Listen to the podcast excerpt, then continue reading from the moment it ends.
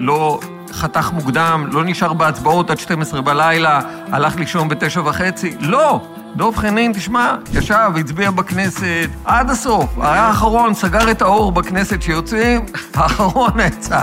ניכר, אה, תשמע. אני רוצה שהילדים שלי ושלך יחיו פה, והנכדים שלי יחיו פה לנצח. ולכן, להגיע לשלום עם העולם הערבי זה אינטרס לאומי ראשון במעלה של ישראל. רוב גדול של הציבור חושב שהמחאה מוצדקת, הפיכה המשטרית, מה שנקרא הרפורמה המשפטית, צריכים לעצור אותה. הדרך שלך מול פוליטיקה מושחתת היא לא לברוח מהפוליטיקה, אלא לעשות פוליטיקה אחרת.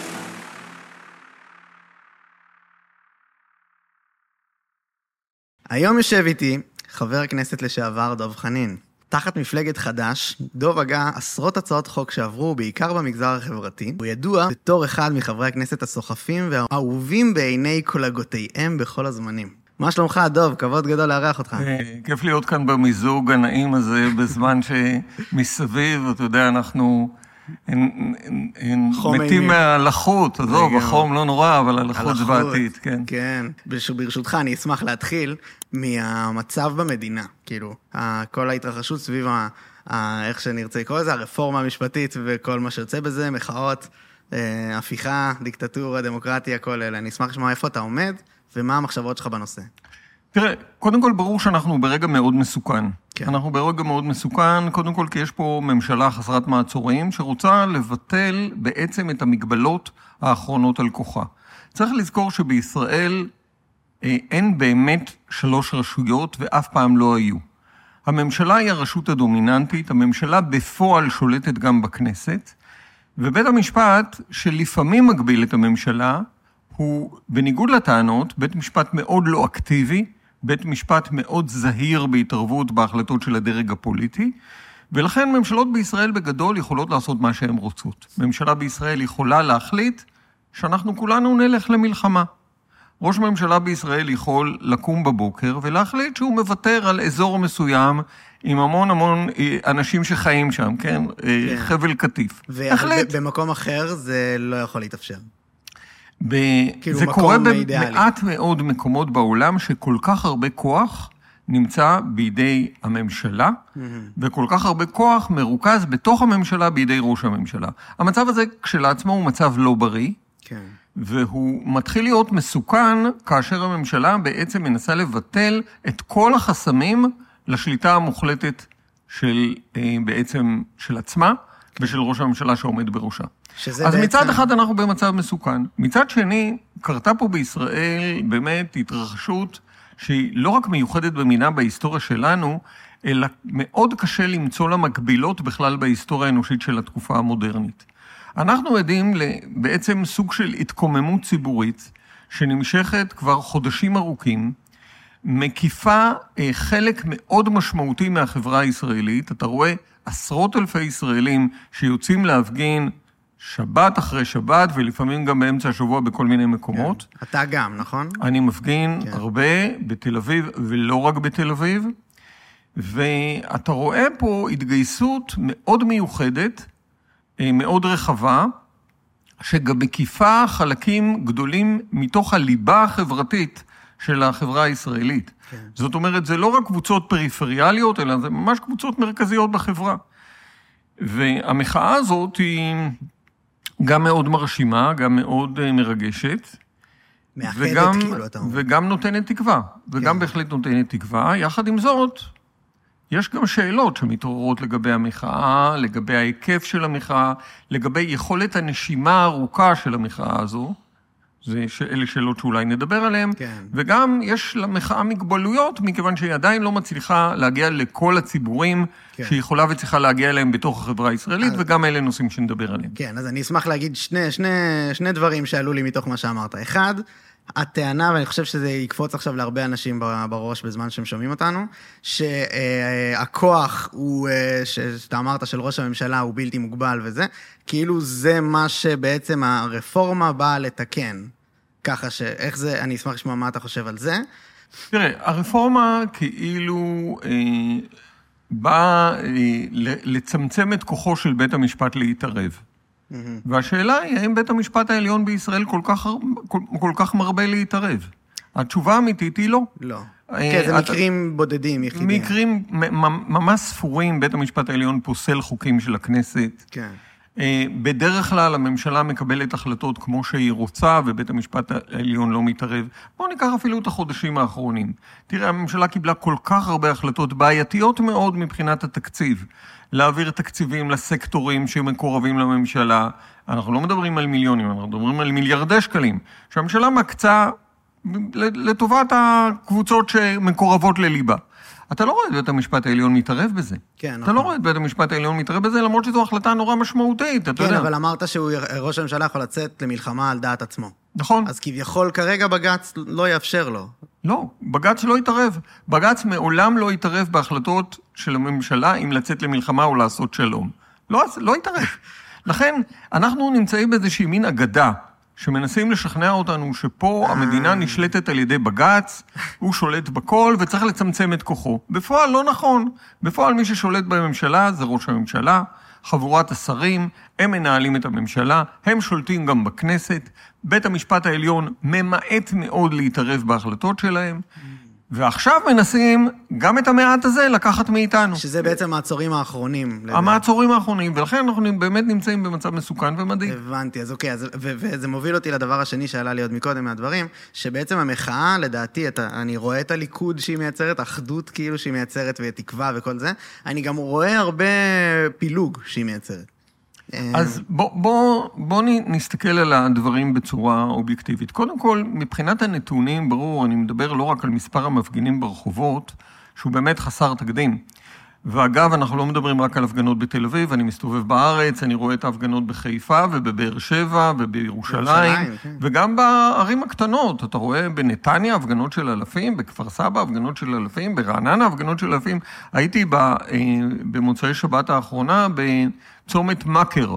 בגליל המערבי, ליד יישוב ערבי, שם הייתה משמרת מחאה של יהודים וערבים, לא גדולה, עשרות אנשים, אבל אתה יודע, הפגנות כאלה ומשמרות כאלה יש בכל הארץ, בכל הארץ, כן. מצפון עד דרום.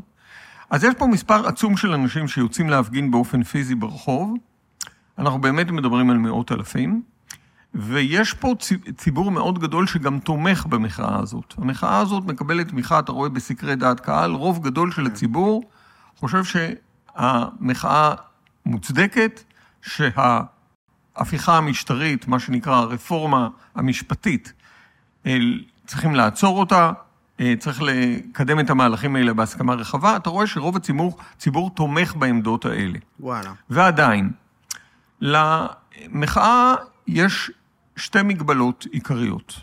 מגבלה אחת, היא לא מצליחה בינתיים להגיע, ולטעמי גם לא מספיק מנסה להגיע, לציבור הערבי. הציבור הערבי זה 20% מאזרחי המדינה. כן. הציבור הערבי הוא גם הציבור שישלם את המחיר ראשון על מה שהממשלה עושה. המיעוט הראשון שצריך להגן עליו, כאילו. המיעוט הראשון שצריך להגן עליו. שאתה עשית הראשון- את רוב הפעילות שלך באמת נכון, בשיתוף. ואני חושב שזה, אני חושב שזה זה נושא מאוד מאוד חשוב ממש. לכולנו, כן. לא רק למיעוט אלא גם לרוב. אתה אומר שהמחאה מפסידה אותם? המחאה לא מצליחה לגייס אותם.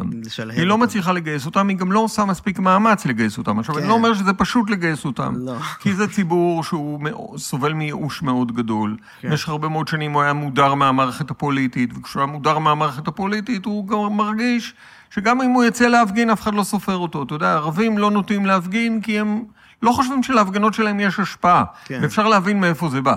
אבל, אבל- יש, יש משהו ש- ש- שבתוך, גם, אתה התייחסת עכשיו לסקרים שמראים לך שבעצם יש תמיכה מאוד מאוד גדולה ברפורמה, ובזה, אה, ב, סליחה, בעצירת הרפורמה. אה, ומניסיוני, תגיד לי אם אתה חווה את זה גם ככה, הסקרים, אנשי הליכוד בעיקר, כמעט לא נמצאים בהם, והם תמיד צצים ביום הבחירות וכל מיני דברים חשובים וזה, הם, הם או שזה אסטרטגי, או שזה פשוט תופעה דמוגרפית. תראה, אה, אז אמרנו, חולשה אחת של המחאה זה חוסר ההגנה שלה לציבור הערבי. חולשה, חולשה שנייה של המחאה זה שהיא לא מצליחה להגיע לציבורים, לכל הציבורים שהצביעו בעצם בעד מפלגות הקואליציה. כן. והציבורים האלה הם אה, בחלקם אה, פריפריה מזרחית, בחלקם אה, דתיים, דתיים לאומיים, ציונות דתית, כן. חרדים וכדומה. שנהיים רוב לאט לאט. שהם ציבור גדול בחברה הישראלית. אז אני רוצה להגיד על, על הציבור הזה שני דברים. קודם כל, גם הציבור הזה איננו אחיד. גם בציבור הזה אני רואה לא מעט אנשים שהם לא תומכים במהלכים של הממשלה. אני חושב שהממשלה מאכזבת גם חלק מהתומכים שלה. ועדיין, אני חושב שזה תפקיד של המחאה למצוא דרך להגיע לאותם אלה שהצביעו לליכוד, הצביעו לש"ס, הצביעו למפלגות חרדיות, והם לא חייבים להיות שם היום. כן. הם אולי הצביעו כי הם, היו להם כל מיני ציפיות, כל מיני תקוות, אבל הם עכשיו רואים ממשלה שלא מטפלת בבעיות החיים עצמם, לא מטפלת ביוקר המחיה, לא מטפלת בבעיית הביטחון האישי של אזרחי ישראל, לא אזרחי כן. ישראל הערבים, לא אזרחי ישראל היהודים. אין ביטחון במדינה אתה הזו. אתה לא חושב אבל שזה הצבעה בעצם דמוגרפית, מה שקורה בישראל, והאנשים מצביעים לחונטה של עצמם, והאנשים שנכנסים לכנסת צריכים לדאוג לאינטרס של החונטה שלהם, ואז למעשה, מה שקורה זה שיש שינוי דמוגרפי במדינה, ואנחנו הולכים לכיוון שהוא בעצם מה שקורה. תראה, אז אני את הטיעון הדמוגרפי הזה לא כל כך מקבל. לא? לא. מעניין. כי אתה יודע, הטיעון, בוא, בוא נתאר את הטיעון הדמוגרפי בצורה הכי גסה, כן? רק כן. בכדי לדעת עם מה אנחנו מתמודדים. אז הטענה שהיא אומר, הולכת ככה. משפחה חרדית ממוצעת, יש לה 12 ילדים, 10 ילדים, נכון? משפחה חילונית ממוצעת, יש לה שני ילדים. בקצב הזה, עוד מעט החרדים יהיו הרוב הגדול, נכון? זה הטיעון. כן. למה הטיעון הזה לא עובד? כי אני מסתכל על המשפחה שלי, בסדר? סבא וסבתא שלי, משני הצדדים, היו יהודים חרדים. לכל אחד מהם היו הרבה ילדים. ולכל אחד מהילדים שלהם יש נכדים היום, אתה יודע, אני כן. אחד הנכדים. אני מסתכל על הדור השלישי, שיצא מתוך השני זוגות האלה של יהודים חרדים, ומתוך השבט הגדול הזה של בוא נאמר 100 ומשהו, 150, שיצאו ממשפחה חרדית. כן. כמה חרדים יש היום? חמישה? וואו. שישה? שבעה? עשרה?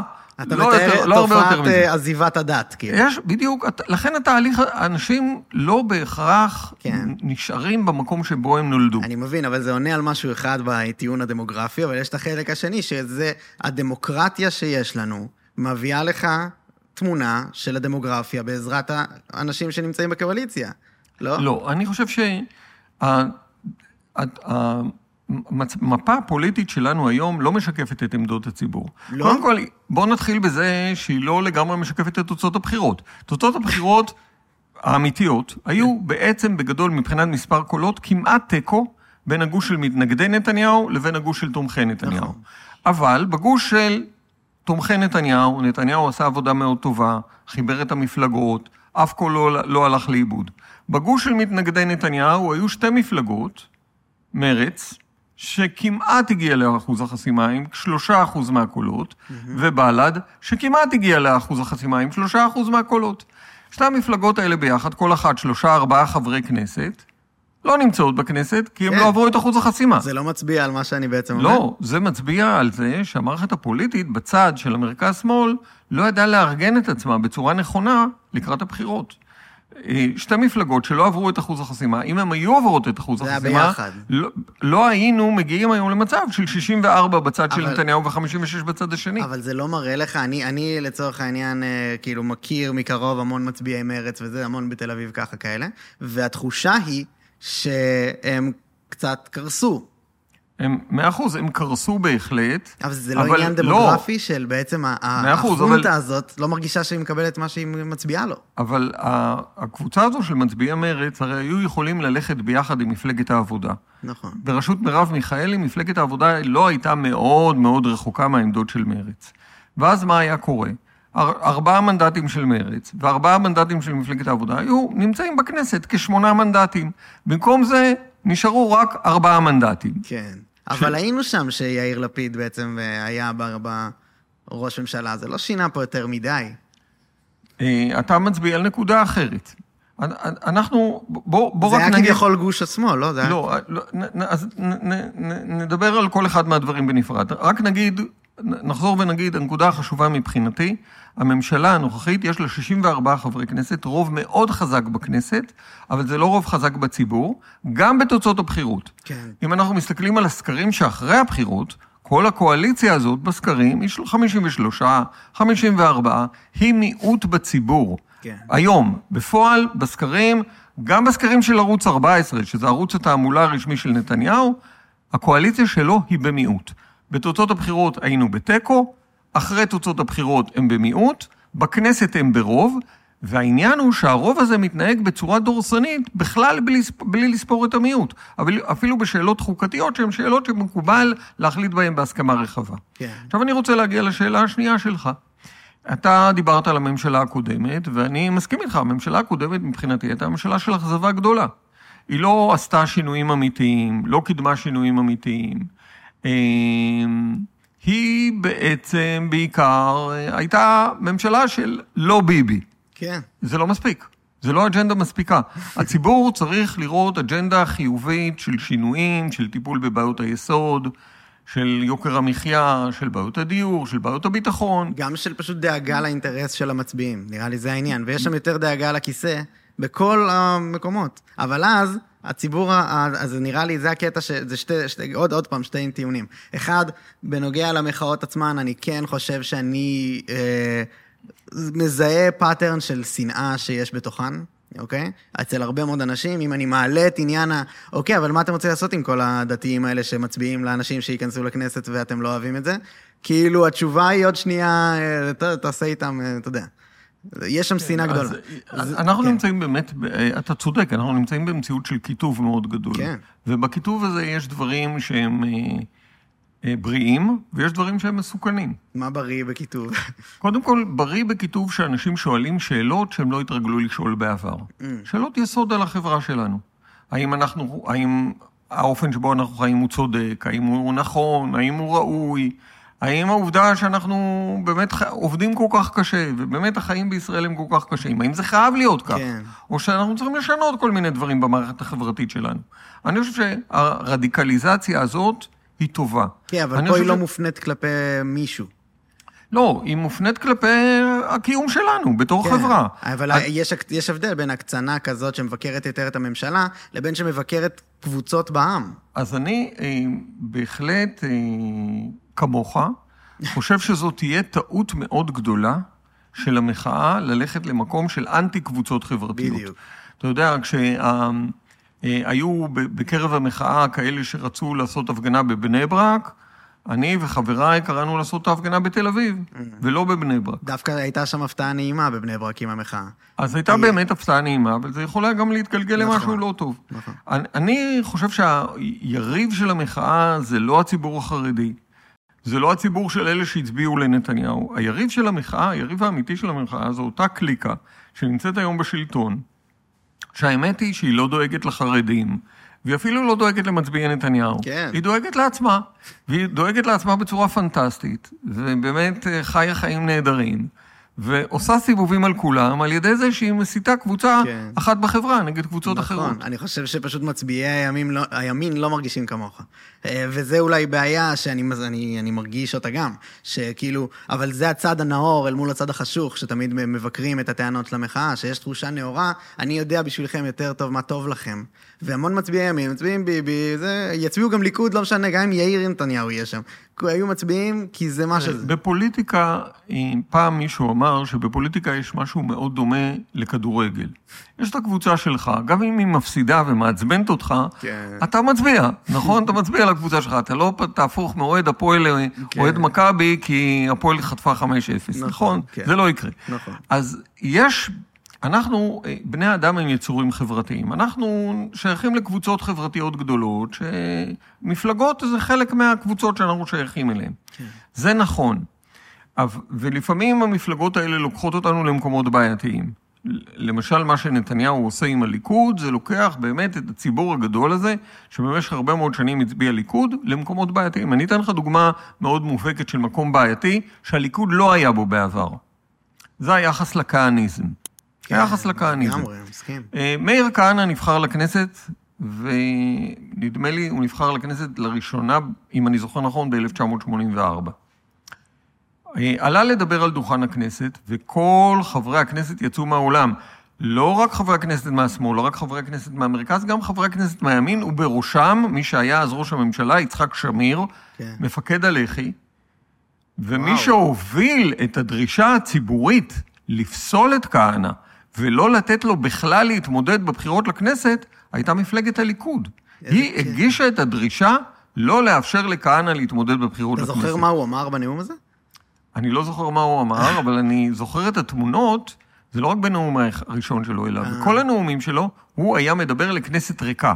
אף אחד לא היה באולם, כי אנשים אמרו, הגזענות של כהנא היא מחוץ לתחום. וואו, מה שנתניהו בפנים, עשה, כן. מה שנתניהו עשה, בתהליך מאוד מהיר, הוא בעצם נתן לגיטימציה מוחלטת לבן גביר, שהוא ממשיך של כהנא, אה, שתמונתו של ברוך גולדשטיין הייתה תלויה אצלו בסלון, כי הוא חשב שזה מתאים לתלות תמונה של בן אדם שרצח מתפללים במערת המכפלה, מתפללים רצח, אתה יודע, יודע בעת מה- תפילה. אתה יודע מה איך כתוב אתה לו? יכול בתור בן אדם דתי אתה יודע מה לחשוב כתוב על לו דבר על כזה? ה- על המצבה? שהוא מת בעת קידוש השם. לא יודע אם ראית. כן, כן. כן. אז, אז אני אומר, מי שתולה תמונה של בן אדם כזה בסלון ביתו, אה, מעיד על עצמו שהוא, אה, איך, איך להגיד, פסול בקהל של, של אנשים הגונים. נתניהו הוביל ללגיטימציה שלו, נתניהו דאג לשלב אותו בתוך רשימות פוליטיות. בהתחלה אפילו סמוטריץ' לא רצה אותו.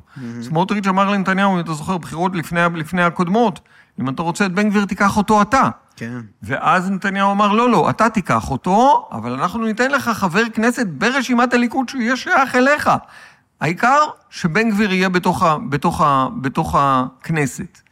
נתניהו הוביל לתהליך של לגיטימציה לבן גביר ולכהניזם, הפך את, את איתמר בן גביר לפוליטיקאי לגיטימי, נתן לו את התפקיד הבכיר, המרכזי, האחראי של שר לביטחון לאומי. זה מהלך חסר תקדים. כן, כן. זה לא היה בהיסטוריה של הליכוד קודם אני לא לכן. יודע איך, אני כן מנסה בפודקאסט להישאר מאוד פוליטיקלי קורקט, לא במובן של אה, זה, אלא במובן של לנסות להיות אובייקטיבי. ועם בן גביר קשה לי להיות אובייקטיבי. מאוד, כי כאילו כן. האמירות עצמן, הן, אה, הן באמת, אה, בגלל זה רציתי של, לנסות להבין פחות או יותר אפילו, אם אתה יכול, מה כהנא אמר בזמנו בכנסת, שכאילו, מה, ואיך היום זה אותו דבר, מה הם האמירות עצמם שמוציאות אותו מלגיטימציה, את בן גביר? תראה, בן גביר אה, הוא מסמן את הערבים כסוג של אויבים שאנחנו נמצאים נגדם במלחמת נצח, ולכן בגדול, אה, אתה יודע, במלחמה כמו במלחמה. איך, איך הם אומרים? הקם להורגך, השכם להורגו. אז, כן, אתה אומר שהוא טוען על זה, על ה, על ה, ממש על ה-DNA שלהם, כאילו? זה, זה משהו... תראה, בן גביר למד להיות אה, גזען יותר מתוחכם. אתה יודע, הוא כאילו אומר את הדברים בצורה קצת יותר מלוטשת ומעודנת, הוא לא... אבל כשאתה מסתכל על התוכן של הדברים, זה אה, התוכן הכהניסטי עם עטיפת צל- צלופן. כן. ועטיפת צלופן לא הופכת את גלולת הרעל לטעימה, וגם לא לבריאה. פשוט אתה אמרת מקודם על ברוך גולדשטיין ועשית זה, שכאילו, אני בטוח שלאנשים עולה בראש שכאילו, אנחנו נותנים לגיטימציה לח"כים ערבים, שלהם פחות או יותר תולים תמונות של אנשים שעשו דברים דומים. אני לא מכיר אה, את, איזשהו חבר כנסת ערבי, באמת, ואני כן ביקרתי בבתים של חברי כנסת ערבים, אין חבר כנסת ערבי שתלה בבית שלו, או תולה בבית שלו תמונה של מישהו שהרג יהודים, אזרחים יהודים, וחושב שזה מודל. כן? לא, אני, אם... אני, אם, אה, אני באמת, אם אתה אומר, אני אתה יודע. הייתי בבית של כמה וכמה חברי כנסת ערבים ולא ראיתי אף פעם תמונה כזו. כן. אני אז אתה אומר לא שיש... יעלה על הדעת שלהם זהו. לתלות כזו יש תמונה. לך, אבל אתה אומר פה איזשהו גבול שכאילו, הוא, ה- הוא, ה- הוא בהתנהגות עצמה. יש לגמרי. קו אדום שגם, כאילו, שלא לגמרי, ערבי, לא לגמרי. יהודי, לא יכול לחצות. לגמרי, לגמרי, בהחלט. כן, אוקיי. אז בוא נחזור ל, ל, לפילוג שקורה בעקבות הדבר הזה, כי אני מסכים איתך שהוא אה, אומר דברים נוראים, בן גביר, ויש עוד כל מיני אנשים בכנסת שאולי אנחנו... זה, אבל זה... וזה מצביע על מגמה לחלוטין. אבל בסופו של דבר יש פה קבוצה בעם, אוקיי? שמצביעה לאנשים שהיא מאמינה שיעשו טוב. וכביכול זה אמור להיות תפקידה של דמוקרטיה. מאה אחוז. אתה יודע, אנשים שמצביעים, הבעיה שלי זה לא עם, האנש, עם האנשים, אלא עם המנהיגים. כן. אין לי טענות לאנשים. אני חושב שהאתגר שלנו הוא להגיע גם לאנשים, כולל גם לאנשים שמצביעים לבן גביר, ולשאול אותם את השאלה, האם בן גביר באמת פתר לכם את הבעיות? בן גביר הרי ניהל פה קמפיין שלם, שהוא יעשה פה סדר והוא יביא את הביטחון. יש סדר? יש ביטחון? אני, אני שואל, באמת, לאזרחים ערבים בישראל יש הרבה פחות ביטחון מאז שבן גביר עלה לשל, לשלטון, כן, כן, נהיה לשר לביטחון לאומי, מספר הנרצחים ביישובים הערביים עלה בצורה פנטסטית. כן. גם לאזרחים היהודים יש הרבה פחות ביטחון כשבן גביר הוא שר לביטחון לאומי, יש הרבה יותר פיגועים, יש הרבה יותר פגיעות, נכון. יש הרבה יותר אלימות ברחובות, ויש גם יותר אלימות של המשטרה עצמה כלפי אזרחים. כן. אבל אני רוצה רגע לדבר איתך על הסוגיה הזו שלא כל המאזינים שלנו אולי מבינים אותה, והיא סוגיה מאוד מאוד חמורה של הפשיעה בחברה הערבית.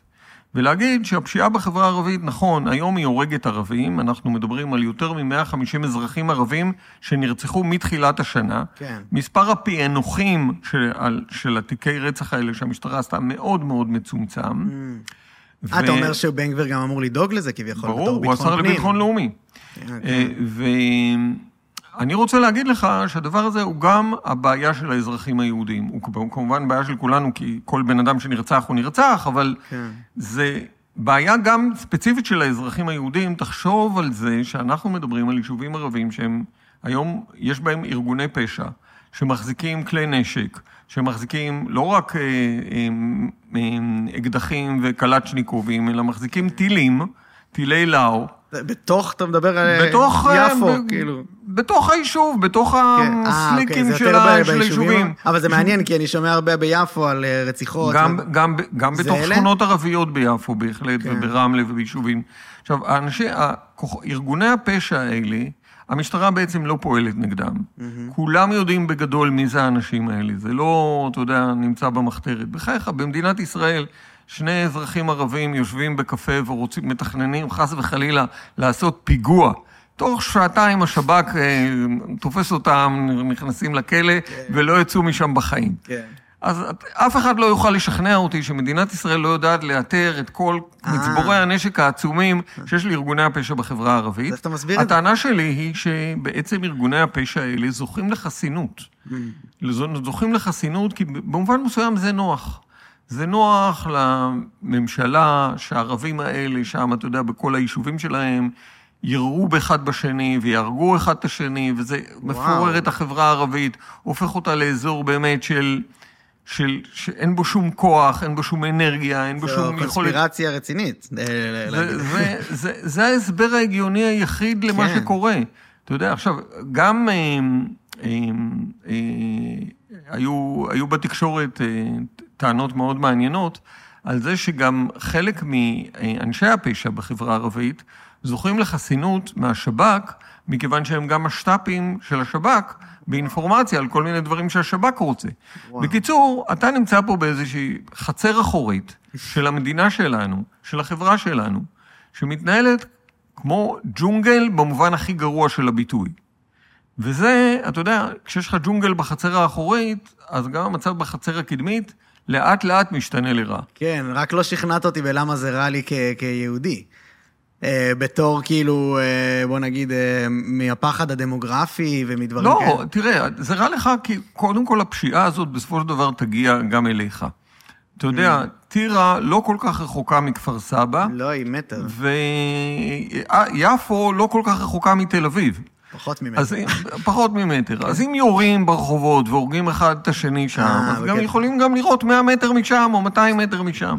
זה, המדינה וואו. הזו קטנה וצפופה, אנחנו חיים פה ביחד, ואם אנחנו לא, לא נוכל לחיות טוב, אם חלק מאיתנו לא יוכלו לחיות טוב, אז אף אחד מאיתנו לא יוכל לחיות טוב. מרתק, ויש לי כאילו מלא מלא שאלות רק על היחס בין יהודים לערבים. אני רוצה להגיע לזה מתוך התייחסות למשהו שאמרת מקודם, על זה שבן אה, גביר רע למצביעים של עצמו. אני חושב שאתה... לא יודע אולי, כי אתה העברת בפועל המון המון חוקים ועשית המון בפעילות שלך, אבל רוב הח"כים לא עושים את זה. רוב הח"כים, מה שהם עושים זה מנפנפים בסיסמאות ומבסוטים מהכיסא ומנסים להעביר את הזמן בכמה שפחות להיראות. אה, ואני חושב שזה באמת עניין, זה, זה לא רק בן גביר, זה כולם. אה, ואתה באמת יוצא דופן בהקשר הזה, שכאילו מאוד כן, פעל, אני חושב שזו פעלת. אחת הבעיות הגדולות של המערכת הפוליטית שלנו. אתה אמרת על... אה, דיברנו על הדברים היפים, הטובים שקורים במחאה, כולל הרדיקליזציה שבמחאה. כן. אני חושב שאחד הדברים שאני הייתי, אני, אני שמח לראות אותם במחאה, זה, ה, עובדה שבמחאה אנשים מתחילים לדרוש מהפוליטיקה ומהפוליטיקאים לתפקד. לתת לנו תשובות ולתפקד בצורה אחרת לגמרי. כן. כי המציאות היא, גם לפני השינויים האחרונים וגם לפני הממשלה האחרונה, המציאות היא לא טובה. בדיוק. המערכת הפוליטית לא נותנת תשובות לבעיות של אנשים. אתה יודע, אתה רואה את הכנסת, אתה רואה במה הכנסת מתעסקת, במה אנשים מקדישים את הזמן. כן. אתה יודע, אנחנו באמת, אה, שוב, אה, אתם בפודקאסט אה, פונים בין היתר להרבה מאוד אנשים צעירים. כן. צעירים בישראל חיים חיים מאוד קשים. ממש. החיים בישראל הם קשים, מתוחים, אתה עובד קשה, קשה להתפרנס, קשה לשרוד, לשכור דירה עולה הרבה כסף. זה בדיוק. אתה חי באיזשהו מתח. למה? המדינה הזו מדינה עשירה, כלכלה מפותחת, יש פה יצירתיות פנטסטית. אה, יש פה טבע מדהים, יש פה מזג האוויר נוח בסך הכל. למה? למה אנחנו חיים בצורה כל כך קשה? אחת הבעיות הגדולות זה מערכת פוליטית שהיא לגמרי לא מתפקדת, היא לא נותנת תשובות לבעיות של אנשים, היא לא ממוקדת בלתת מענה למה שמטריד את בני האדם כאן. בדיוק. תיקח למשל את מחירי הדיור. אנחנו בדיוק, מדברים לגמרי. על המחאה הזאת, בסדר? אבל בוא ניזכר כן, שלפני 2011. 12 שנים כן. הייתה לנו מחאה של 2011, שמאות אלפים יצאנו לרחובות, כן, אתה נכון? בטוח, דרך אגב, שזה פחות מהפעם? כי זה היה סדר גודל גם מטורף. זה היה סדר גודל מטורף, זה היו פחות הפגנות, אבל זה לא היה כל כך אה, ממושך. נכון, נכון. נכון. אבל זה היה אירוע מדהים, אין כן. ספק. אירוע מדהים ואירוע מאוד מאוד מרגש. והסיבה המרכזית שיצאנו בהמוננו לרחוב היה מחירי הדיור. ומה קרה מאז למחירי הדיור? עלו פי שניים. עלו פי שניים. כן. עכשיו, כבר אז המצב היה קשה. לגמרי. ועכשיו הוא פי שניים יותר קשה. לגמרי. עכשיו אתה שואל, אוקיי, איפה הפוליטיקה? איפה הפוליטיקאים נתנו תשובות בעשור הזה לבעיה הזאת? אתה יודע, היה להם עשר שנים לפתור את זה. כן. מה? איפה פתרו? אין, אז ומה זה, פתרו? זה בדיוק הנקודה, אבל... נכון. שאני בתור הצי... הרבה אני שומע מאנשים במחאה שהם כועסים על הצעירים שלא נרתמים גם כן, כי אנחנו לא מבינים את החשיבות של דמוקרטיה וכאלה. הטענה שלי היא כאילו... עכשיו לא כזה טוב, על מה אתם מוחים? כאילו, זה לא שעכשיו, וואי, תשאירו לי את זה כמו שזה. זה לא אז, הסיטואציה. אז, פה, אז פה באמת, במחאה צריך להבחין בין שני זרמים. יש זרם אחד במחאה שהוא מאוד בולט, של אנשים שמבחינתם תחזיר את הכדור למה שהיה לפני שבעה חודשים, שיריב לוין לא יעשה את מסיבת העיתונאים, ובסדר, נחיה עם זה. כן. אה, אני קורא לזה הזרם של המתגעגעים אל העבר הקרוב. אני לא שייך לשם.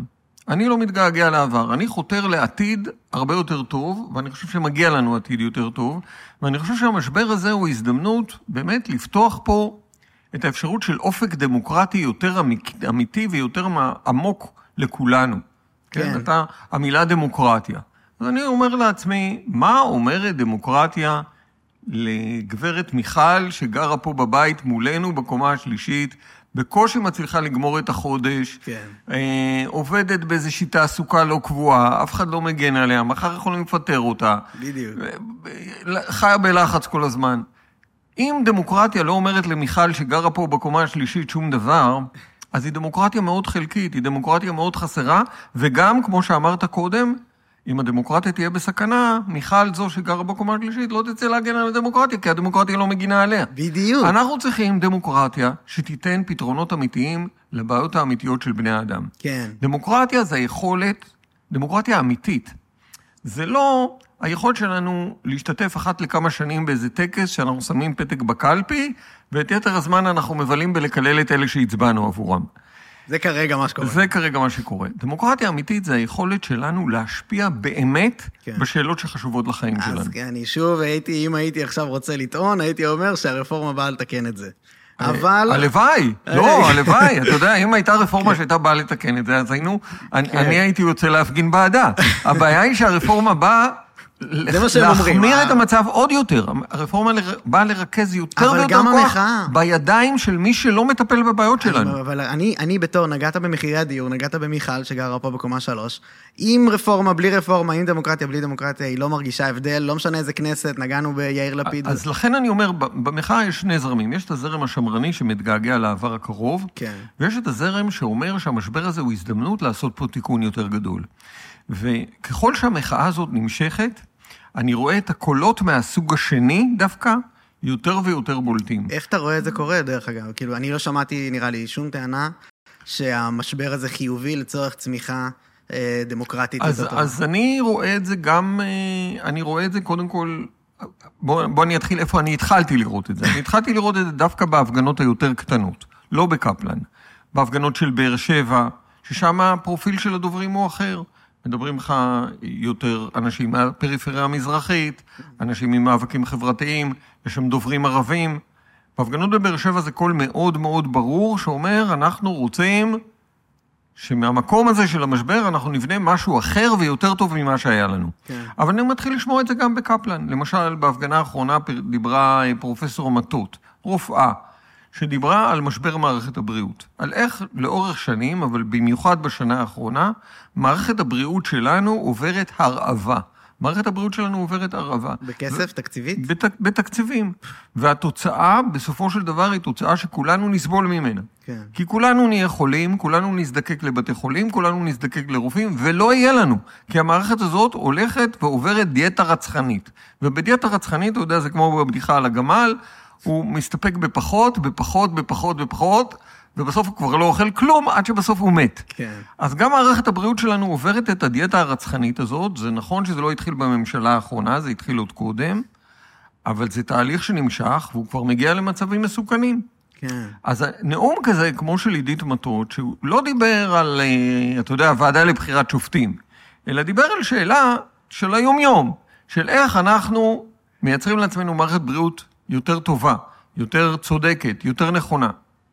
זה, זה, זה ביטוי של, של הזרם השני הזה. אבל אני, אני, אני, את. זה אני מבין, איך אתה רואה את זה קורה. אני, אני מתכוון איך אתה רואה את זה מתבצע.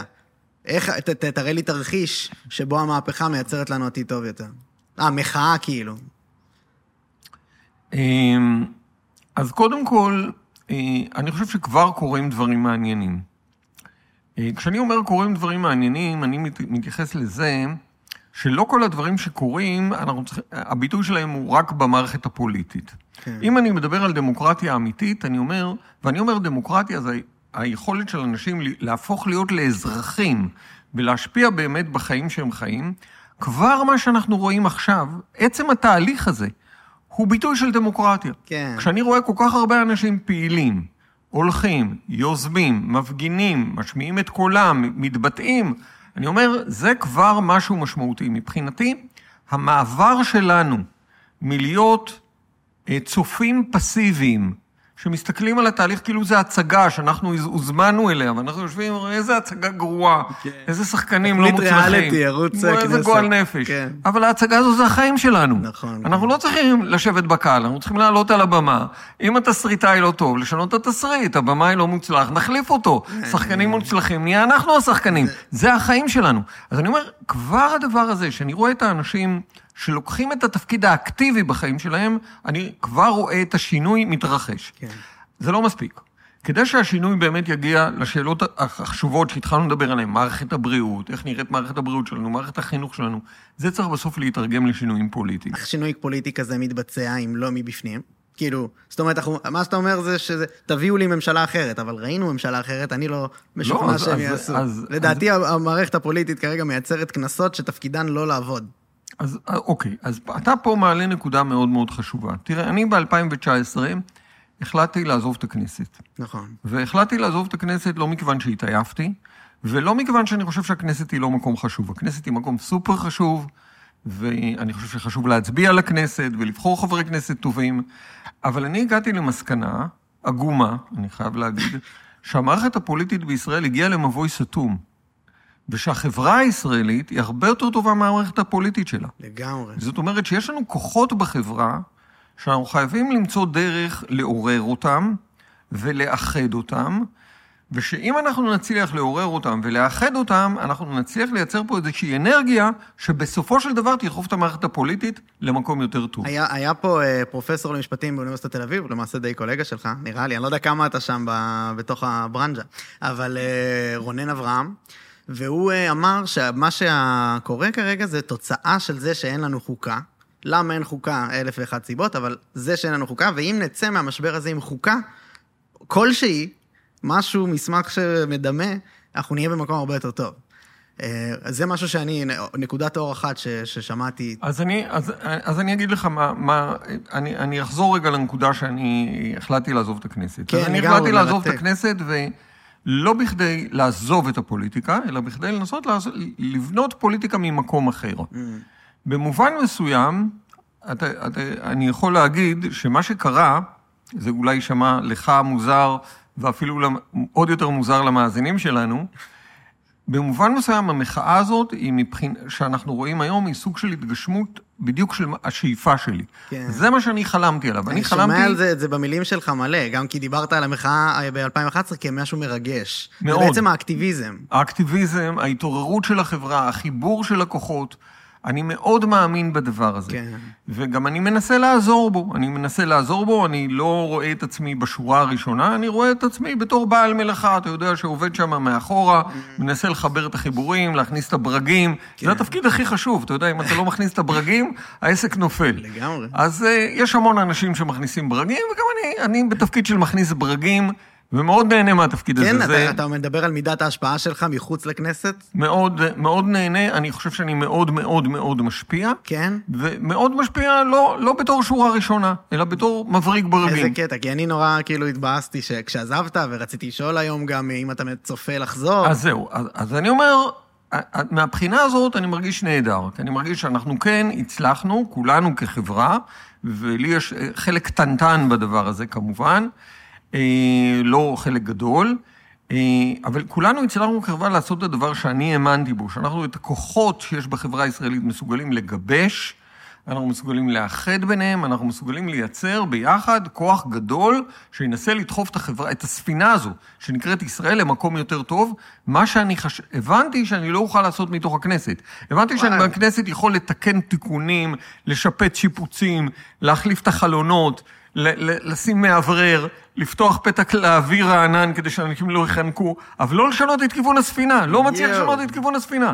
זה, זו הייתה הבעיה. אז אולי זאת הבעיה עצמה. נכון, כאילו, זו זה הבעיה. לא משנה אם זה בן גביר או לא, שמן גביר. אז אני אומר, אני אמרתי לעצמי, שאח- שאתה יודע, אני, אני אמרתי לעצמי, ב-2019 עשיתי יותר חשבון עם עצמי. אמרתי, אוקיי, דוב, העברת 100 חוקים, החוקים שלך נמצאים בספר החוקים, משפיעים על החיים של אנשים לטובה. וואי, אמרתי עשרות בהתחלה, אם זה 100 זה יותר אה, יפה. בסדר גמור, עזוב, אפשר, המספרים פחות חשובים, התוכן חשוב. אני, כן. אני אומר, החוקים שהעברתי הם באמת חוקים מאוד משמעותיים, שמשנים את החיים של בני אדם. נכון. ביום-יום, נשים, גברים, יהודים, ערבים, פריפריה, עובדים. אני מאוד גאה בחוקים שלי. אבל אחרי שהסתכלתי על הרשימה הנפלאה של החוקים, בסדר? אמרתי, היא נפלאה, הכל בסדר. עכשיו אני מס... שאלתי את עצמי שאלה קשה. אמרתי, אוקיי, דוב, אתה נבחרת לפני 12 שנה כדי להפוך את ישראל למדינה יותר טובה, נכון? עברו 12 שנה. האם מדינת ישראל נעשתה יותר צודקת? לא, היא נעשתה יותר שוויונית? לא, יחסים יותר טובים בין יהודים וערבים? בטח שלא. אולי פחות שחיתות? לא. אפילו איכות הסביבה לא. אז. בגדול אמרתי, אוקיי, דוב, עכשיו אתה צריך לתת לסטודנט הזה שנקרא דב חנין ציון, נכון? ציון לפי ביצועים. כן. רצית את זה, רצית ללכת לפה, הגעת לשם. הציון לתלמיד נכשל, נכון? זה הציון האמיתי. אתה מדבר על- רק על הפעילות אני בכנסת? מדבר או כי- עליי, על מה שאני עשיתי. כן, אבל, אבל כי נתת לעצמך ציון גבוה, נכשל. אבל נתת ציון גבוה בבין לבין, בזמן עכשיו. כן, בזמן עכשיו אני נותן לעצמי ציון הרבה יותר גבוה. אשכרה, ביחס אשכרה, לכנסת. ביחס לכנסת. וואו. אבל... אה, אה, אה, ואז השאלה השנייה היא, אוקיי, הסטודנט נכשל. כן. אבל אז, אז המורה צריך לשאול את עצמו למה הסטודנט נכשל. אולי הסטודנט היה רשלן, לא בא לשיעורים, אתה יודע, הסטודנט הזה לא חתך מוקדם, לא נשאר בהצבעות עד 12 בלילה, הלך לישון בתשע וחצי. לא! דב חנין, תשמע, ישב, הצביע בכנסת. עד הסוף, היה האחרון, סגר את האור בכנסת שיוצאים, האחרון יצא. ניכר, אה, תשמע. ישב בכל הוועדות, התווכח את כל הוויכוחים, הצביע אלפי הצבעות, אף פעם, תשמע, באמת, הצבעתי אלפי הצבעות בכנסת, כולן מתועדות, אף, אף הצבעה לא בניגוד למצפון שלי. הכל, באמת, עבדתי כמו מטורף. כן. 20 שעות ביממה, שישה ימים בשבוע. אתה באמת. מבין שזה חריג? כן, הם אבל- באים והם אבל- לא עובדים. הם, אה? בסדר, אבל אני מדבר על עצמי. דבר, כן. ובכל זאת זה לא קרה. אז זה לא שאני לא עבדתי הרבה. עבדתי קשה, השקעתי 200 אחוז, ולא הצלחתי לשנות את הכיוון של החברה הישראלית. הצלחתי להעביר הרבה חוקים, לעזור להרבה אנשים, לא שיניתי את הכיוון של החברה הישראלית. הסבר אפשרי שני, ללמה לא הצלחתי, החברה הישראלית כזאת תפוקה שאי אפשר לשנות אותה. לא קיבלתי את ההסבר הזה. לא קיבלתי את ההסבר הזה כי אני מכיר את החברה הזו, אני מסתובב בארץ, אני רואה אנשים, אני נפגש עם אנשים. יש המון כוחות בחברה שלנו. ואז אני הבנתי שיש איזושהי בעיה, שהמערכת הפוליטית שלנו באמת מנותקת מהחברה, ובחברה אנחנו לא מצליחים את כל הכוחות ואת כל האנרגיות לגבש, לרכז, לאחד ולייצר מהם איזשהו משהו אחד שיוכל להזיז את החברה למקום אחר. ואמרתי לעצמי, הפרויקט הגדול צריך להיות הפרויקט הזה. שזה עושים מחוץ לכנסת. שזה עושים מחוץ לכנסת. וואו. ויצאתי מהכנסת, והתחלתי לעבוד בזה. ואז הגיע גם יריב לוין, ונתן אה, פוש רציני למאמץ. אה, כן? מהזווית בגלל שלו. אתה רואה את זה, וואו. כן, ברור. אם, הוא. אם, אם, לא, הייתם, אם לא היינו מקבלים עזרה מבחוץ, בחייך, זה לא היה קורה לבד. ו, כן. ו, ולכן אני אומר, אתה יודע, למרות שבמחאה הזו ברור שיש הרבה אנשים שנמצאים בחזית, ה, בחזית המאבק, והמקום שלהם והתפקיד שלהם במחאה הרבה יותר משמעותי משלי. כן. אני בוודאי לא רוצה לקחת מהם את התפקיד שלהם ואת המקום שלהם, אבל אני, רוא, אני מרגיש שהתרומה האישית הקטנה שלי, במקום שלי, למאמץ הקולקטיבי שלנו להפוך את ישראל למקום יותר טוב, בעצם בשורה התחתונה זה יותר אפקטיבי, דווקא מחוץ לכנסת. אז א', עכשיו. אתה לא מצפה לחזור, כאילו. עכשיו, הבעיה היא שבסוף, בסוף, בסוף, אחרי שאנחנו הצלחנו לעורר את הציבור, והצלחנו לייצר מחאה כל כך גדולה, והצלחנו לגייס כל כך הרבה כוחות, בסוף, עכשיו זה צריך לחזור לפוליטיקה. עכשיו זה צריך לחזור לפוליטיקה. כי הדרך, אתה יודע, לנהל את הדמוקרטיה, בסוף היא באמצעות הפוליטיקה. אבל אולי לא. אולי אשכרה יש לנו פה מערכת מקולקלת שאי אז- אפשר אז- לתקן מבפנים. מה זה לתקן מבפנים? אני מסכים איתך שהדוגמה של הממשלה הקודמת כן. הייתה דוגמה מאוד לא מוצלחת, והאתגר הגדול הוא, בתקופה שלפנינו, לייצר כלים פוליטיים חדשים, שיוכלו לתרגם את האנרגיה הנפלאה של המחאה לכוח פוליטי שבאמת יעשה פה שינוי. אני מבין, אני רק... בתוך הפוליטיקה. אני מבין, אני, אני, אני מסתכל על זה בצורה הרבה יותר צינית ממך, וזה מעורר השראה, אני גם, גם זה באמת מה שאתה מביא, נראה לי, לנוף, שנורא חשוב לך, ויש, ובאמת מרגש אותך כשיוצאים אקטיביסטים לרחובות ודברים כאלה. אני באמת באמת חושב שתפקידם של חברי כנסת בימים אלו, הוא להגיע ולעשות כמה שפחות, כדי שלא יחליפו אותם, כי אתה יכול לעשות רק נזק. אז הם מנסים לא להיראות, לא זה, אני מזמין אנשים לבוא, אף אחד לא רוצה להיראות, להידבר, להישמע מבפנים. תפקידך להיעלם רגע עד לבחירות הבאות, תשכנע אנשים בשטויות חדשות, כאילו. אה, אתה מתאר מצב קיים, אבל הוא לא חייב להיות המצב הזה. נכון. הוא לא חייב להיות המצב הזה. כן. אתה יודע, אני, אני אה, לפעמים הייתי מסתכל על הכנסת, כשהייתי חבר כנסת, והייתי רואה את, את הציבור הזה של חברי הכנסת, והייתי שואל את עצמי, רגע, זה המקסימום שמדינת בדיוק. ישראל יכולה לייצר? הרי באמת, אתה מסתובב פה ברחוב, אתה רואה אנשים יצירתיים, אה, יוזמים, אה, מקוריים, ממציאים. באמת, היכולות בחברה שלנו הן עצומות. למה אנחנו בעצם הגענו למצב שאלה שמייצגים אותנו ברמה הציבורית, הם אנשים שהם לא מתאימים לבצע את התפקיד הזה. הם פחות טובים מאיתנו, הגדול. כן. הם, הם באמת, ב- באמת. בממוצע, הם הרבה פחות טובים מה, מהציבור הישראלי. איך זה? מאה אחוז, אבל זה דבר שיכול להשתנות. אז איך? דבר- הנה, אז אני אומר, אני, קודם כל, הדבר הראשון שקרה במחאה, התנאי הראשון זה ההתעוררות. כן. התנאי השני שקורה במחאה זה שאנשים מבינים שאנחנו לא יכולים להפקיר את הפוליטיקה. אנחנו לא יכולים, כל האנשים הטובים האלה שאומרים, תעזוב אותי, יהיה כן. מישהו שיטפל בזה, אני מתעסק בעניינים שלי. לא. אם אתה עוזב את הפוליטיקה, הפוליטיקה לא עוזבת אותך. אתה יכול לעזוב את הפוליטיקה, הפוליטיקה תרדוף אחריך, כן. ותקבל על הראש שלך את ההחלטות שאתה לא רוצה. כן. הדרך שלך מול פוליטיקה מושחתת, פוליטיקה אה, לא רצינית, היא לא לברוח מהפוליטיקה, אלא לעשות פוליטיקה אחרת. אז איך?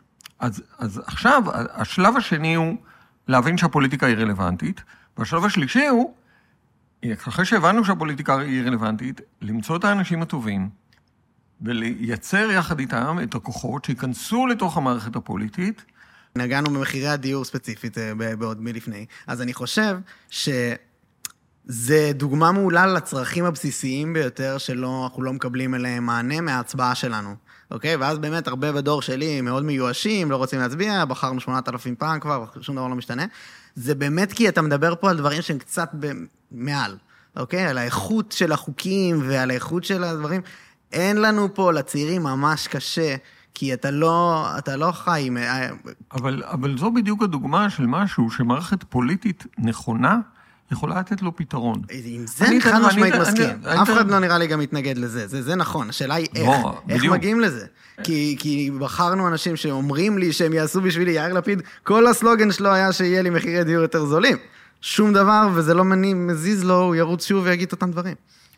אז אה, כן, אנחנו, תראה, יש, המשבר של הפוליטיקה הוא אגב לא רק בישראל. הוא נכון, בהרבה זה מאוד מקומות כן. בעולם, אתה רואה את הפוליטיקאים האלה שהתפקיד שלהם הוא אחד, להיבחר. כן. אין להם תפקיד לעשות שום דבר, רק בדיוק. להיבחר, וברגע שהם נבחרים, יש להם משימה מרכזית אחת, להיבחר עוד פעם. בדיוק. ו- וזהו. וזה עושים בעזרת לא לעשות דברים. וזה עושים בעזרת לא לעשות, ובעיקר בעזרת לבלבל את המוח לאנשים, בדיוק. עם כל מיני סיפורים וכל מיני בולשיטים, כן. לטשטש את העולם, לבלבל כן. את הזה, זה כמו, אתה יודע, להטוטנים של קלפים כאלה, שאתה מהמר על. הזה, והופ, הופ, הופ, הופ, אה, נגמר, שלום, אני כן. עכשיו בעוד אז קדנציה. לפה תוסיף עוד את, המו, את העניין של השחיתות, שאני עושה לך את הקסמים האלה בשביל שלא תראה שבזמן הזה אני מעביר כספים ביד השנייה. אז זה עוד מרכיב שעושה עוד יותר קשה לשנות את זה. נכון, הד- הדרך להתמודד עם הבעיות של הדמוקרטיה היא יותר דמוקרטיה. מה זה יותר דמוקרטיה? קודם כל יותר שקיפות. אתה יודע, אחד הדברים שאני נאבקתי עליהם בכנסת זה למשל שהמערכת של הכנסת עצמה תהיה יותר שקופה. שאתה בתור אזרח תוכל להיכנס לאתר של הכנסת, ללחוץ על הכפתור דב חנין, ולראות מה דב חנין עשה היום, איך הוא אני הצביע. לא יכול? לא, אתה לא יכול. אתה, נורא מסובך להבין מה הוא עשה, איך הוא כן. הצביע, מה הוא אמר, איזה חוקים הוא קידם, איזה חוקים הוא לא קידם, כדי שהוא לא ייעלם לך, אותו בן אדם. הצבעת עבורו, אתה כן. צריך לדעת, אתה זכאי לדעת. מה הוא בדיוק עשה, איפה הוא, איך, איך הוא התנהג, כדי שבפעם הבאה תגיד, אני לא רוצה להצביע בבן אדם כזה, הוא בכלל אה, עשה דברים שמנוגדים לדעותיי. כן, אשכרה, אנחנו לא אז- יכולים אז- לדעת. אז בדיוק. אז קודם כל אתה צריך לייצר מערכת שהיא הרבה הרבה יותר שקופה. הדבר השני זה באמת לייצר מערכת של כללי משחק.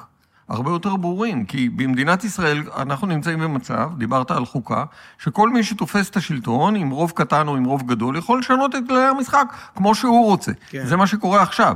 אתה יודע, הרוב המקרי הזה שיש לנו בכנסת, החליט שהוא עכשיו משנה את כללי המשחק, כדי ש... אתה יודע, אה, זה יהיה אומנם משחק כדורגל, אבל שער של קבוצה אחת יהיה חסום על ידי חומה. זה הכל. אי אפשר להכניס לשם את כן, הכדור. כן. זה הכל, זה לגיטימי, אתה יודע, אני הרוב. מה, מי אמר כן. שאסור לבנות קיר ליד השער שלי? אבל שוב אתה חוזר לעניין שכאילו המגרש כדורגל עכשיו טוב, לדעתי לא. אתה מבין? וגם אתה- כשאתה אומר צריך לשנות, מי בפועל ישנה? גם אם אתה לא בפנים וגם אם האנשים שבפנים, כל תפקידם הוא לא לעשות כלום. מי שבפועל ישנה זה בסופו של דבר אנחנו. אנחנו צריכים להבין, אנחנו האזרחים, אנחנו צריכים להבין שזה העסק, אתה יודע, המקום הזה הוא, זה המקום, זה הבית. כמו שאתה יודע, בבית שלך, שאתה גר בו, אם אתה תיתן לכל דיירי הבית להרוס את הקירות, לשבור את החלונות, לשפוך את האשפה במרכז הסלון, יהיה לך מגעיל בסוף. כן. באמת מגעיל. אתה צריך להשתלט על הבית מחדש. הבית הזה, הבית המשותף שלנו, אנחנו צריכים להשתלט עליו מחדש. אז זה לא עניין ההנהלה- של ימין ושמאל, זה לקחו לנו, חטפו לנו את המדינה למעשה, אנשים שרצים בכנסת ולא עושים שום דבר בשביל העם, לא משנה אם אתה ימין או אתה שמאל. תראה, הביטוי ימין ושמאל בישראל הוא מזמן כבר בלתי, בלתי ברור לי, כן. לא, לא ברור לי. אני, אני מגדיר את עצמי בתור איש שמאל, אבל אתה יודע, אתה הולך ברחוב, אתה אומר לאנשים את המילה שמאל, מה הם מבינים בשמאל? שמאל זה אנשים שלא אוהבים אותנו, הם רק דואגים לאנשים אחרים.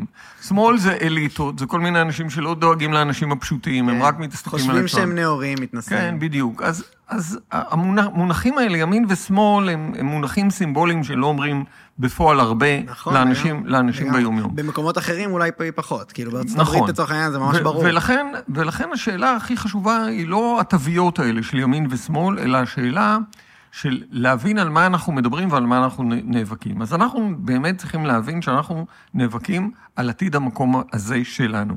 מה זה נאבקים על עתיד המקום הזה שלנו? אנחנו רוצים שהמקום הזה יהיה קודם כל בטוח. כדי שהוא יהיה בטוח, אנחנו צריכים להבין שאנחנו נמצאים בש- בשכונה של עמים ערביים, ואנחנו צריכים להגיע להסדר איתם. ההסדר הזה, הוא יצטרך לכלול גם אה, דברים שאולי ייראו לחלק מהציבור הישראלי כוויתורים. אנחנו לא יכולים להגיד, אנחנו גם רוצים את הכל וגם תהיו איתנו בסדר. אנחנו צריכים ללכת לקראת הצד השני, כמו בהסכמים. אתה יודע, כמו שבמסורת היהודית יש את הסיפור של אה, בבא מציע, כן? שניים אוחזים בטלית, זה אומר כולה שלי, זה אומר כולה שלי, הפתרון של הגמרא, יחלוקו. אז גם בארץ הזאת אנחנו נמצאים, השכנים שלנו נמצאים, צריכים למצוא דרך להתקיים ביחד כדי שנגיע לשלום ולביטחון. דבר ראשון. זהו, זה... דבר טוב, שני, כן, קדימה. השאלות החברתיות, יוקר דיור, יוקר המחיה, אה, תנאי עבודה על הפנים, שכר מאוד נמוך. אנשים עובדים פה בשכר מאוד מאוד נמוך. אחד המאבקים שלי, דווקא זה לא אה, מאבק שהתבטא בחוקים, אבל אחד המאבקים שלי לאורך שנים היה המאבק למען העלאת השכר ושכר המינימום. אנשים פה, אתה יודע, רוב העניים בישראל הם אנשים עובדים. אנשים שבבוקר יוצאים לעבוד, חוזרים בלילה להשכיב את הילדים אחרי יום עבודה ארוך, ועדיין נשארים מתחת לקו, ה- לקו העוני. כן. זה בלתי נסבל. כן. אז אתה צריך להעלות את השכר הבסיסי, את השכר של אלה שעובדים. אבל אתה, אתה אומר דברים שצריך לעשות, אתה מונה כאילו דברים שצריך לעשות, אבל מי יעשה אותם? מי שיעשה אותם זה אנחנו. אנחנו הצ- כגוף אנחנו- שיצא, כהציבור כאילו? הציבור צריך להתארגן, Mm. הוא צריך להתארגן בהתארגנויות פוליטיות, בתנועות פוליטיות, במפלגות פוליטיות. אני, אני מסכים איתך לגמרי שהמערכת הפוליטית הנוכחית לא נותנת לנו מענה, לא נותנת לנו מענה. אבל זה שהמערכת הפוליטית הנוכחית לא נותנת לנו מענה, זה לא אומר ש... שאין אין טעם במערכת פוליטית, זה אומר שצריך להחליף את הפוליטיקה הבעייתית שלנו בפוליטיקה אחרת, כן. פוליטיקה יותר טובה. זה ש- אפשרי. אני חושב שאנחנו יכולים פה לא, לא, להיכנס ללופ אינסופי, כי אני בטוח שתומכי הרפורמה שמקשיבים יגידו לנו, הנה, הרפורמה באה לתקן, אבל אני באמת חושב שזה זה, זה, זה, כאילו, אי אפשר לצאת מזה. לא, אבל- זה, שוב, השאלה מה הרפורמה באה לתקן. אם, אם, יבואו, באה אם לתקן. יבואו אנשים ויבואו יבואו ויסבירו לי כן. שהרפורמה הזאת תוריד את מחירי הדיור, וישכנעו אותי בזה, אני מוכן לדבר על זה. הם יורידו את הכבלים מידיהם של מי שרוצה להביא לנו... אבל מה, דיור. איזה כבלים מפריעים להם? לא, האם בית המשפט העליון הפריע פעם לממשלה באיזשהו מהלך של הפחתת מחירי הדיור? לא. הממשלה אמרה, אני רוצה להפחית את מחירי הדיור למיכל, שגרה בקומה השלישית. בא בית כן. לא, המשפט. העליון ואמר לה, מה פתאום, אי אפשר אתה להפחית צודק. את מחירי הדיור. אבל כן, בית המשפט עובד בצורה עקומה היום, שבה כאילו... אהרון ברק הוא, הוא שופט, היה שופט בבית המשפט העליון. כדי לבחור שופטים בבית המשפט העליון, אתה צריך היום שבעה מתוך תשעה חברי הוועדה לבחירת שופטים. אוקיי. בסך הכל יש שלושה שופטים שם. יש אר- ארבעה פוליטיקאים, שלושה שופטים ושני נציגים של לשכת עורכי הדין, שבדרך כלל הולכים עם הפוליטיקאים. ו... אז מה, מה, אז אין איך פה, אין פה השופטים... כבלים, כאילו? אין, אין פה משהו ש... מה זה? תראה, יש לא, לי כי ביקורת... הם פשוט כן משקפים לא, אני- נישה בחברה, אתה מבין? לא, אני, פלג. אני, אני אגיד לך, לי יש ביקורת על בית המשפט העליון. לי יש לי ביקורת על בית המשפט נראה לי העליון. שלכולם. אבל הביקורת שלי על בית המשפט העליון היא הפוכה. אני רוצה בית משפט עליון שיגן יותר על הזכויות של מיכל כן. בקומה השלישית, שיגן על, על הזכות שלה לקבל שכר הוגן, שיגן על הזכות שלה לקבל דיור, דיור במחירים נמוכים. בית המשפט העליון אצלנו לא אקטיבי, הוא פסיבי, הוא לא מתערב להגן, מספיק להגן על הזכויות של, החברתיות אני- של האנשים. יכולתי לטעון ש... שאולי אני טועה, אני שמח שאתה מתקן אותי, אבל שכאילו, אם אני אה, רוצה להגן על אה, זה, ואני חבר כנסת כמוך, שבא לעשות הרבה הרבה דברים, בית המשפט העליון כן כרגע יכול למנוע ממך, אם הוא רוצה. והוא למעשה משקף כרגע אה, שמאל אשכנזי. אני אני העברתי הרבה הרבה חוקים. אף חוק שלי, בית המשפט העליון לא התערב בו. לא אוקיי. התערב בו. אבל הוא יכול. לא, למה, לא. למה שהוא יתערב בו? החוק- החוקים שלי פגעו בזכויות אדם? לא. אבל לא, אתה לא נוגד את ההשקפה הפוליטית שלהם, כביכול. הם אה. הם... אני, אני, אני מנסה לתת לך טענות של, של אנשי הרפורמה. אז לצערי, בוא נאמר ככה, אני, אני, אגיד, אני אגיד את זה במונחים שלי, בסדר? החוקים שלי הם, בגדול הם חוקים סוציאליסטיים. אין אפילו שופט סוציאליסטי אחד בבית המשפט העליון. הם קפיטליסטים קיצוניים, וקפיטליסטים מתונים, וקפיטליסטים ליברליים, וכל מיני סוגים של קפיטליסטים. אין שופט סוציאליסטי אחד שמבטא את ההשקפה שלי בבית המשפט העליון, לצערי. אז מה? אז בסדר, אז בשביל זה אני אפרק את בית המשפט העליון ואהרוס אותו? לא, אני רוצה שיהיו שופטים סוציאליסטים. הלוואי שיהיו בעתיד שופטים סוציאליסטים. כן. אין כרגע.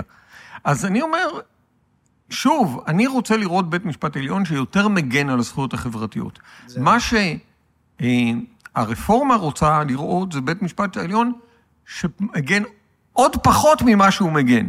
אז זה פשוט בתור צעיר שלא מרגיש כרגע זה, או בעל עסק שאי פעם לא היה יכול לקחת, אה, ללכת לבית משפט ולצפות למשהו טוב שיקרה לו, כי זה, המערכת כרגע לא מתפקדת ברמה הכי גבוהה שאפשר מבחינת בתי המשפט. אז כשמציעים רפורמה, זה כן נשמע אחלה, אני מסכים ש... תראה, אני אתן לך דוגמה.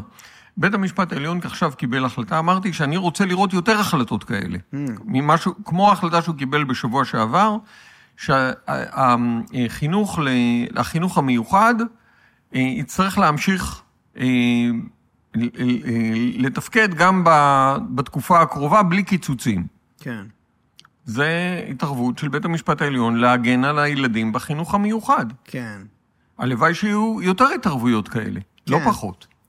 טוב, אני מסכים, אני, זה, זה גם נושא ממש מורכב, אנחנו יכולים אה, זה, אני אשמח אבל שכן פשוט נפתח עוד נושא, כי גם זמננו קצר. לפני, אני לא יודע, בוא, בוא נחליט ביחד למה אנחנו זה, כי יש, או אפשר להיכנס, נגעת בקצרה ושלום עם שכנינו, שאני ממש, זה פשוט מרתק אותי ממש לשמוע מה, מה אתה חושב, איך האפשרויות יכולות לקרות, וגם מה שאמרת על אה, פשוט שלום עם שכנינו, אז יש גם את ערביי ישראל, יש את, ה, אה, את האזורים הכבושים, ויש את שכנינו, המדינות. כן, אז בגדול, אני. אני רואה את, ה, את המצב בצורה די פשוטה. כן. מדינת ישראל היא מדינה קטנה. יש לנו, אנחנו כמה מיליוני אנשים פה, ואנחנו נמצאים בתוך ים גדול של עמים ערביים שחיים מסביבנו. בגדול יש לנו שתי אופציות, או שאנחנו לומדים להסתדר בשכונה הזאת, או שאנחנו לא לומדים להסתדר בשכונה הזאת. אם אנחנו לומדים להסתדר בשכונה הזו, הכל טוב, הכל בסדר. לא לומדים להסתדר בשכונה הזו, זה אומר מלחמות. עכשיו, זה נכון, אנחנו חזקים. אם תהיה מלחמה, ישראל תנצח. אבל אם לא לומדים להסתדר, אז תהיה אחרי זה עוד מלחמה. כן. גם במלחמה הבאה ישראל תנצח. אם לא לומדים להסתדר, אחרי זה תהיה עוד מלחמה, וגם בה תנצח. עד שישראל בסוף, במלחמה החמישית או השישית או השביעית, היא תפסיד, ואז היא לא תהיה. מבחינתי, אין אופציה כזו. אני רוצה שהילדים שלי ושלך יחיו פה, והנכדים שלי יחיו פה לנצח. ולכן, להגיע לשלום עם העולם הערבי זה אינטרס לאומי ראשון במעלה של ישראל. זה אינטרס לאומי של ישראל. אני מבין, וכשאתה אומר להסתדר זה הסכמי שלום? זה הדרך להסתדר.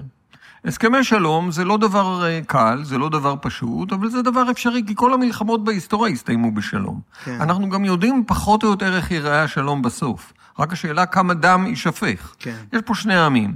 כל אחד צריך לקבל את המדינה שלו, וצריך לסדר את הגבולות בין שני המדינות האלה בצורה הגיונית. כן. זה בגדול הנוסחה. אז, אז פה אתה רק מדבר על שכנ... שכנותינו המדינות, נכון? יש עוד הרבה מרכיבים בפנים, אבל בהקשר הזה, אה, היה פה דוקטור מרדכי קידר, אני לא יודע אם אתה מכיר אותו, שהוא דיבר על, אה, על לי- התדמית של ישראל שנפגעת מאוד בתקופה האחרונה, כי מה שיש ב- ב- באסלאם, שלום זמני, שנותנים למדינה שכרגע אי אפשר לנצח במלחמה. וכרגע, מה שקורה במדינה מראה למדינות מסביבנו, שאנחנו לא כאלה חזקים כמו שזה נראה, שאנחנו... ברור, תראה, ברור שנתניהו אה, עושה את הכל כדי... אני לא יודע אם הוא עושה את זה בכוונה, אבל התוצאה של המעשים שלו הוא מאוד מאוד מחליש את מדינת ישראל, זה ברור לחלוטין. כן. אבל, אבל נעזוב לרגע את, את, נתניהו ואת הפעילות שלו. נסתכל על זה, אפילו נשים אותו לרגע בצד, בסוגריים. האינטרס של מדינת ישראל הוא להגיע לשלום עם העולם הערבי. להגיע לשלום עם העולם הערבי לא יכול ללכת ביחד עם זה שאתה תדרוך להם כל הזמן על הראש. לא. שלום ולדרוך למישהו על הראש לא עובד ביחד. מה זה לדרוך על הראש? איך אתה לדרוש רואה? על ראש זה לבנות להם התנחלויות בחצר האחורית, לגנוב להם את האדמות ולטעון שזה הכל, אתה יודע, שייך לך מכוח כזה או אחר. לא עובד, לא עובד. חיה ותן לחיות. אתה רוצה לחיות? בטוח. אתה, יש לך אינטרס בביטחון ובשלום? לגמרי. גם לצד השני יש אינטרס בשלום וביטחון. בציבור, בעולם הערבי, יש כוחות שאפשר לדבר איתם. גם בעם הפלסטיני יש כוחות שאפשר לדבר איתם. כן? יש גם כוחות שהם קיצוניים. אצלנו יש את סמוטריץ' ובן גביר, וגם בעם הפלסטיני יש את החמאס. החמאס אומרת פלסטין השלמה. בן גביר אומר ארץ ישראל השלמה. אלה ואלה לא מעוניינים להגיע להסדר. הם מעוניינים להשתלט על הכל. מי שמעוניין להשתלט על הכל לא מוכן לוותר לצד השני. אם אתה לא מוכן לוותר לצד השני, אתה תמשיך לריב. רק שאני אומר שלמריבה אין עתיד, אתה יודע, בסוף זה רבים ורבים ורבים ורבים, כן. וזה לא העתיד. אבל יש פה כן נקודה שאולי, אה, ת- תגיד לי מה דעתך עליה, אבל שיש בסוף, אתה נגעת בבן גביר וסמוטריץ', אבל הם, הם נבחריהם של ציבור גדול, נכון, וגם שהוא הצ- נמצא שם. מאה אחוז, וגם אנחנו עושים? החמאס, וגם החמאס הוא נבחר של ציבור גדול שנמצא שם. אה, חמאס פחות נבחר, באמת. אבל לצ... לחמאס יש תמיכה, תאמין לי, לחמאס יש תמיכה כמו לסמוטריץ' ובן גביר. באמת?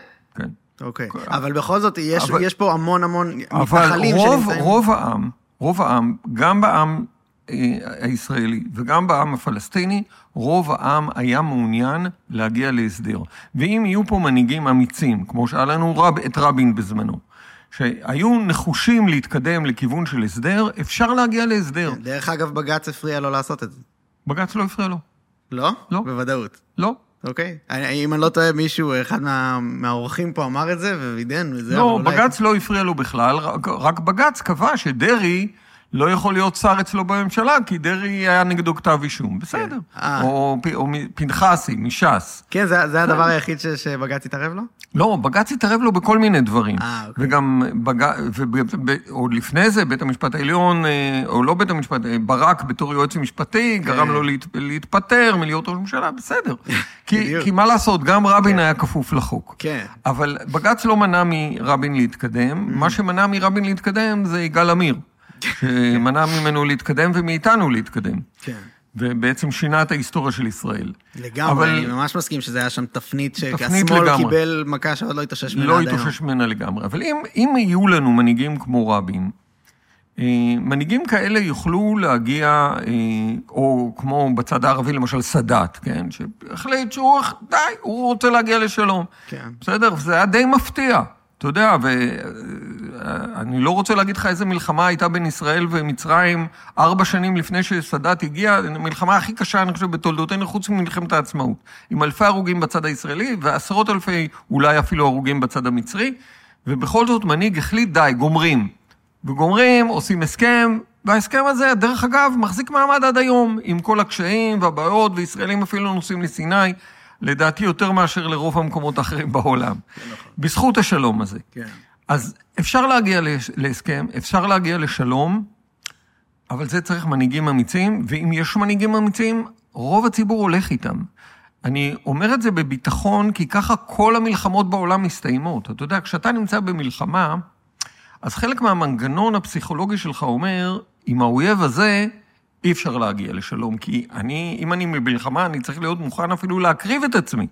לכן אני צריך לעבור, להעביר את האויב שלי דמוניזציה, להפוך אותו לאויב הכי גרוע שאי פעם הומצא, כן? שאיתו אי אפשר.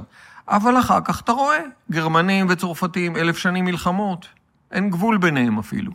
אה, אה, מלחמת מאה שנים בין אנגליה וצרפת, איפה? אין מלחמות. אולי אוהבים אחד את השני, אולי לא אוהבים אחד את השני, אבל אין מלחמות. כן, להם מה- יש, להם יש, אבל אה, אין הצדקה אה, כזאת, אה, אתה יודע, אה, מיסטית, אה, היסטורית אה, כזאת, כביכול, כמו של האזרחים שיושבים במקומות אתה האלה. יודע, הצדקות למלחמות גם יש, תמיד, ותמיד ממציאים אותם, וכשהם נכון. ממציאים אותם הן נראות נורא הגיוניות, אבל אחר כך אתה מסתכל על זה בפרספקטיבה היסטורית, ואתה אומר, באמת, כן. למה, למה לעזאזל הרוסים נלחמים באוקראינים? למה? עכשיו, אנחנו מפה מסתכלים על זה ואומרים, מה, מה זה השיגעון הזה? כן. מה לרו- לפוטין לתקוף את אוקראינה, נכון? כן, זה נראה אותו אבל דבר. אם אתה חי ברוסיה, אז לגמרי. תאמין לי, המערכת שם מפציצה אותך בהסברים נורא הגיוניים. כן. ואתה יכול להיות משוכנע שוואלה, הדבר ההגיוני לעשות זה לתקוף את אוקראינה. כן. כי אתה שם בתוך המערכת. אנחנו שבויים בתוך הבועה של עצמנו. מהמם. אבל אם נצא לרגע מהבועה הזו ונסתכל במבט יותר רחב, נבין שהאינטרס שלנו והאינטרס של השכנים שלנו זה לא להרוג אחד את השני, אלא ל- לנצל את הפוטנציאל המדהים של המקום הזה, של הארץ הזאת, כדי לחיות הרבה יותר טוב, גם אנחנו וגם הם. אנחנו לא באמת, תשמע, אתה יודע כמה אחוז מההצ- מההכנסות של מדינת ישראל הולכים לצבא, לביטחון, למערכת הביטחון. אתה יודע מה, מה אפשר היה לעשות בו אם לא היינו מבזבזים את כל הכסף הזה במלחמות?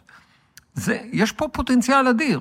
מדהים. אז אני אומר, השלום זה באמת האופציה הכי זולה, הכי הגיונית, הכי נכונה, הכי פטריוטית לקדם את האינטרס הישראלי. הייתי שמח לתת לך, להציע לך, אולי כאילו אתה כן עושה את זה ותגיד לי, יש, שאני זה, אבל להסתכל באותו אופן שתיארת את, ה, את ההסתכלות אה, שאין שם איש רע, אני חושב, הייתי מת להגיד את זה להמון אנשים במחאה. שכאילו, יש איזושהי הסתכלות, האויב הדתי, האויב היהודי-דתי מנסה להשתלט לי על המדינה, כמעט באותו צורה שבה האוקראינים, אה, רוסים מאמינים שנאצים אוקראינים מנסים להשתלט להם על המדינה. אז הנה יופי, זו הזדמנות באמת לדבר אל החברים, חבריי וחברותיי במחאה. כן. אה, אז קודם כל, אם אני פונה לחבריי וחברותיי במחאה, אני צריך להגיד להם, קודם כל, כל הכבוד. אומר להם כל הכבוד על המחאה, על הנחישות, על האומץ, על היצירתיות, על ההתגייסות, באמת, על הפטריוטיות הנורא האמיתית בזה שאתם אומרים, אנחנו רוצים להפוך את החברה שלנו ליותר טובה. כן. ומולנו עומדים כוחות שהם בחלקם כוחות מסוכנים, והם נמצאים בשלטון היום בישראל, הם מסוכנים, הם גזענים, הם מושחתים, הם בעייתיים. אני ממש לא מזלזל בהם. אבל אנחנו לא צריכים להפוך לאויבים שלנו את כל האנשים הרבים שעדיין הולכים אחרי המנהיגים המושחתים האלה. אה, אני מסתכל על האישה החרדית שנסעה איתי ברכבת הקלה בירושלים. לפני שבוע הייתי בירושלים. נסעתי ברכבת הקלה. כן. ובשוק מחנה יהודה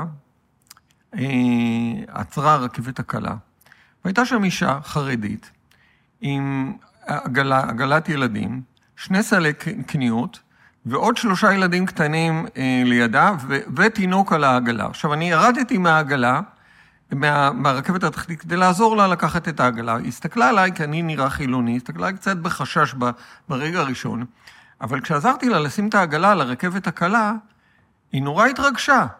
ואמרה לי, תודה רבה, באמת, והיה חם, היה נורא, היא באמת הלכה כנראה לקנות בשוק משהו. והסתכלתי עליה ואמרתי לה, ואמרתי לעצמי, כן, הרי האישה הזאת, גם החיים שלה הם מאוד קשים, מאוד קשים. היא לא האויבת שלי, אני בטוח שבטח היא מצביעה הפוך ממני. אולי אם הייתי אפילו שואל אותה מה דעתה על הרפורמה, היא הייתה אומרת לי, הרפורמה זה מצוין, זה... הרבנים שלי אומרים כן. לי שזה דבר נהדר. אבל האישה הזו היא בצד שלי. היא סובלת מאותן בעיות. היא סובלת מיוקר המחיה, היא סובלת מזה שאין תחבורה ציבורית כמו שצריך, היא סובלת מזה שאפילו כשהיא עולה על הרכבת הקלה בירושלים, הכל כל כך צפוף. כולם שם עומדים, צפוף, בקושי מצליחה להכניס את העגלה כן. לתוך, ה, לתוך הרכבת הקלה הזאת. היא סובלת מזה שאחר כך, היא, כשהיא יורדת, היא צריכה ללכת מרחק בשמש, אין צל. מכל הדברים של חיי היום-יום שלנו. על לפרנס את כל הקבוצה הזאת.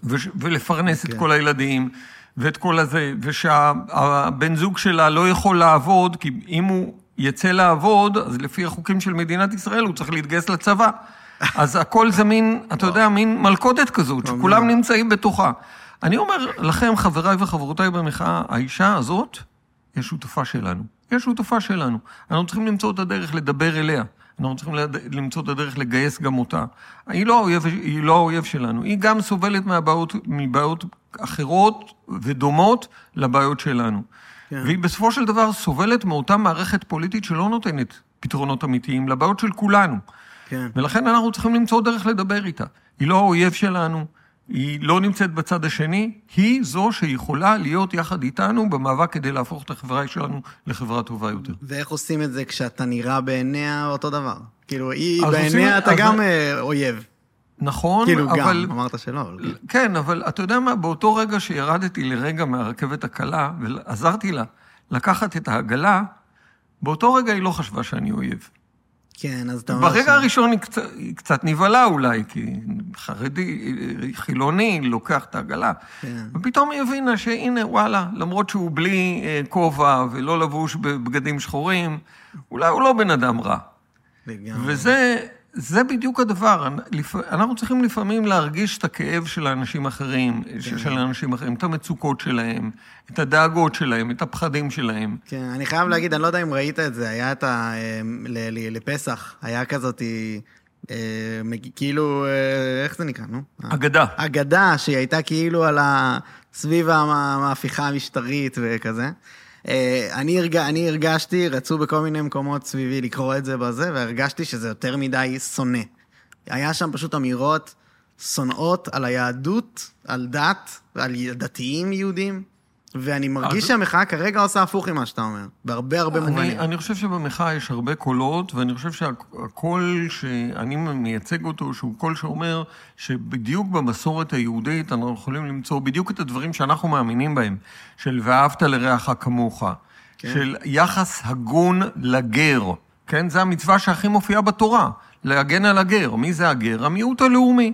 זה שהוא לא כמוך, הוא לא דתי יהודי כמוך, אבל הוא חי איתך בארץ הזאת, שותף יחד איתך.